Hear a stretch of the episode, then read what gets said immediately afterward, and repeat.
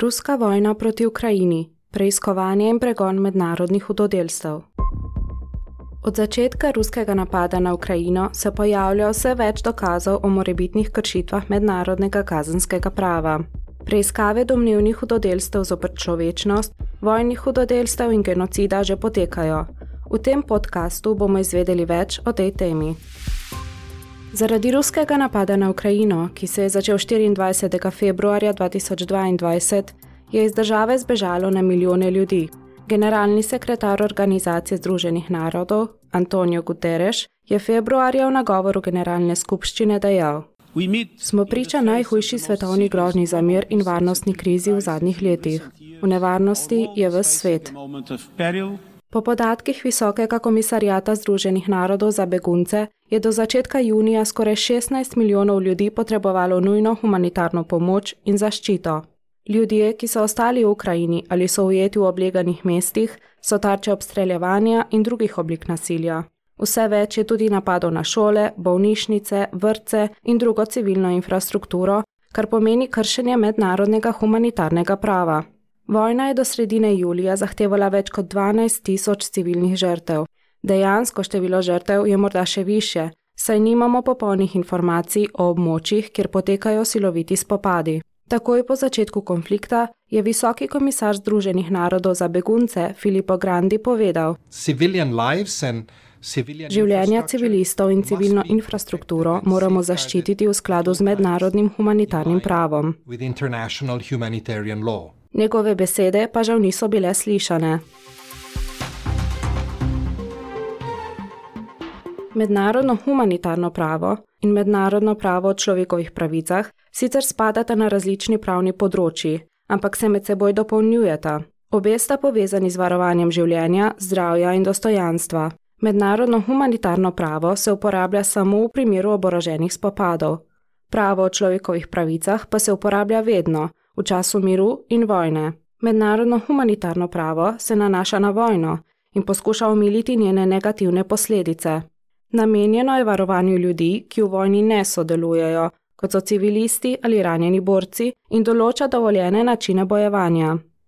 Nekatera kazniva dejanja pa so tako huda, da se v njih presoja po mednarodnem kazenskem pravu, ki za nje določa osebno kazensko odgovornost. Na ta način poskušamo poskrbeti, da takšna grozodejstva ne bi ostala nekaznovana.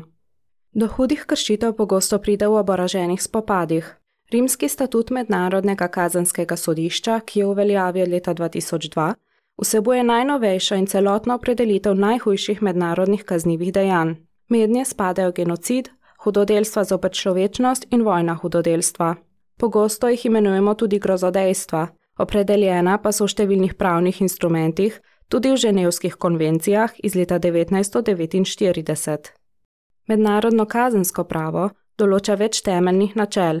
To sta med drugim osebna kazenska odgovornost, ki določa, da so posamezniki lahko kazensko odgovorni, in splošna sodna pristojnost, kar pomeni, da se lahko najhujša mednarodna kazniva dejanja preganjajo pred nacionalnimi sodišči, ne glede na to, kje so bila storjena ali kakšno je državljanstvo storilca ali žrtve. Domnevne kršitve mednarodnega prava v Ukrajini preučuje več organizacij. Ukrajinski parlament je sredi leta 2021 sprejel zakon, ki določa, da mora Ukrajina preiskati in preganjati vojna hudodelstva storjena na svojem ozemlju. Ukrajinski organi so vzpostavili tudi spletno platformo za evidentiranje hudodelstev zopet človečnost in vojnih hudodelstev, ki jih je zagrešila ruska vojska. Nevladne organizacije, mediji, družbeni mediji in posamezniki poročajo o ogromnem številu prijav nasilja v Ukrajini. Pozivi k preiskavi teh domnevnih kaznjivih dejanj so zato vse glasnejši, več mednarodnih organizacij pa je preiskave že sprožilo. Na kratko bomo predstavili nekatere od njih. Mednarodno kazensko sodišče je preiskavo začelo nekaj dni po začetku vojne. Pristojno je za preiskovanje in sojenje v primerih genocida, hudodelstev zopet človečnost in vojnih hudodelstev ter kaznjivega dejanja agresije. Organizacija za varnost in sodelovanje v Evropi pa je na pobudo 45 držav in s podporo Ukrajine uporabila moskovski mehanizem, v okviru katerega svojim članicam nudi strokovno pomoč pri vprašanjih povezanih s človekovimi pravicami in demokracijo.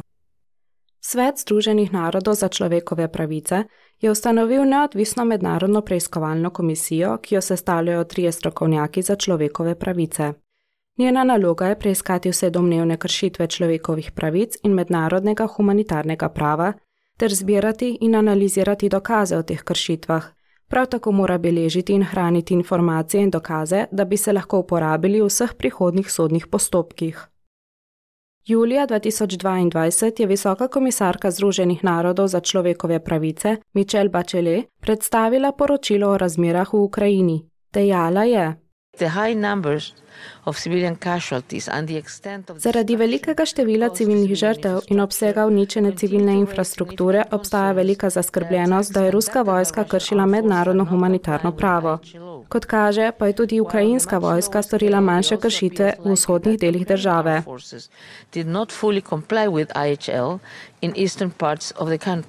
Preiskave upravlja tudi Evropsko sodišče za človekove pravice. Ukrajina je namreč konec februarja pri njemu ložila zahtevo za nujne začasne ukrepe, da bi ruski vojski preprečili nadaljne kršitve človekovih pravic. Sodišče je nekaj dni pozneje zahtevo odobrilo. Domnevne kršitve mednarodnega prava v Ukrajini preučuje tudi Evropska agencija za pravosodno sodelovanje v kazenskih zadevah ali Eurojust. Ta je pristojen za preiskovanje hudih kaznjivih dejanj, kot so genocid, hudodelstva zoper človečnost, vojna hudodelstva in z njimi povezana kazniva dejanja. Podpira tudi skupno preiskovalno skupino, ki so jo ustanovili litovski, polski in ukrajinski organi. Skupina omogoča sodelovanje med pravosodnimi organi in organi kazenskega pregona. Po aprilskem obisku predsednice komisije Ursule von der Leyen in visokega predstavnika Josepa Borela v Kijevu in Buči je komisija napovedala predlog za revizijo pooblastil Eurojusta. Po novem bi agencija lahko zbirala, ohranjala in izmenjevala dokaze o vojnih hudodelstvih, zlasti videoposnetke ter zvočne in satelitske posnetke. Zaradi trenutnih razmer se takšne informacije v Ukrajini ne bi mogle varno shraniti. Ursula von der Leyen je na plenarnem zasedanju Evropskega parlamenta povedala: Evropska unija je z Ukrajino ustanovila skupno preiskovalno skupino, ki zbira dokaze in pričevanja na terenu. Tisti, ki so odgovorni za vojna hudodelstva, bodo za to tudi odgovarjali. Storilci bodo nosili posledice.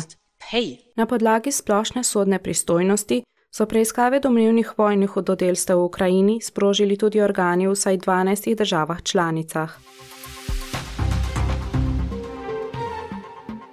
Evropski parlament od začetka vojne najostreje obsoja grozodejstva ruske vojske v Ukrajini. Na plenarnem zasedanju marca je predsednica Evropskega parlamenta Roberta Metzola govorila tudi o ruskem predsedniku Vladimirju Putinu. Zagovarjali bomo pristojnost Mednarodnega kazenskega sodišča in preiskovanje vojnih hudodelstev v Ukrajini. Putin in Lukašenko pa bosta morala odgovarjati za svoje dejanja. Evropski parlament je maja pozval Evropsko unijo naj ustanovi posebno mednarodno sodišče za kaznovanje zločinov agresije v Ukrajini. Mednarodno kazensko sodišče namreč ni pristojno za to vrstne zločine, poslanci pa želijo, da se storilce privede pred sodišče.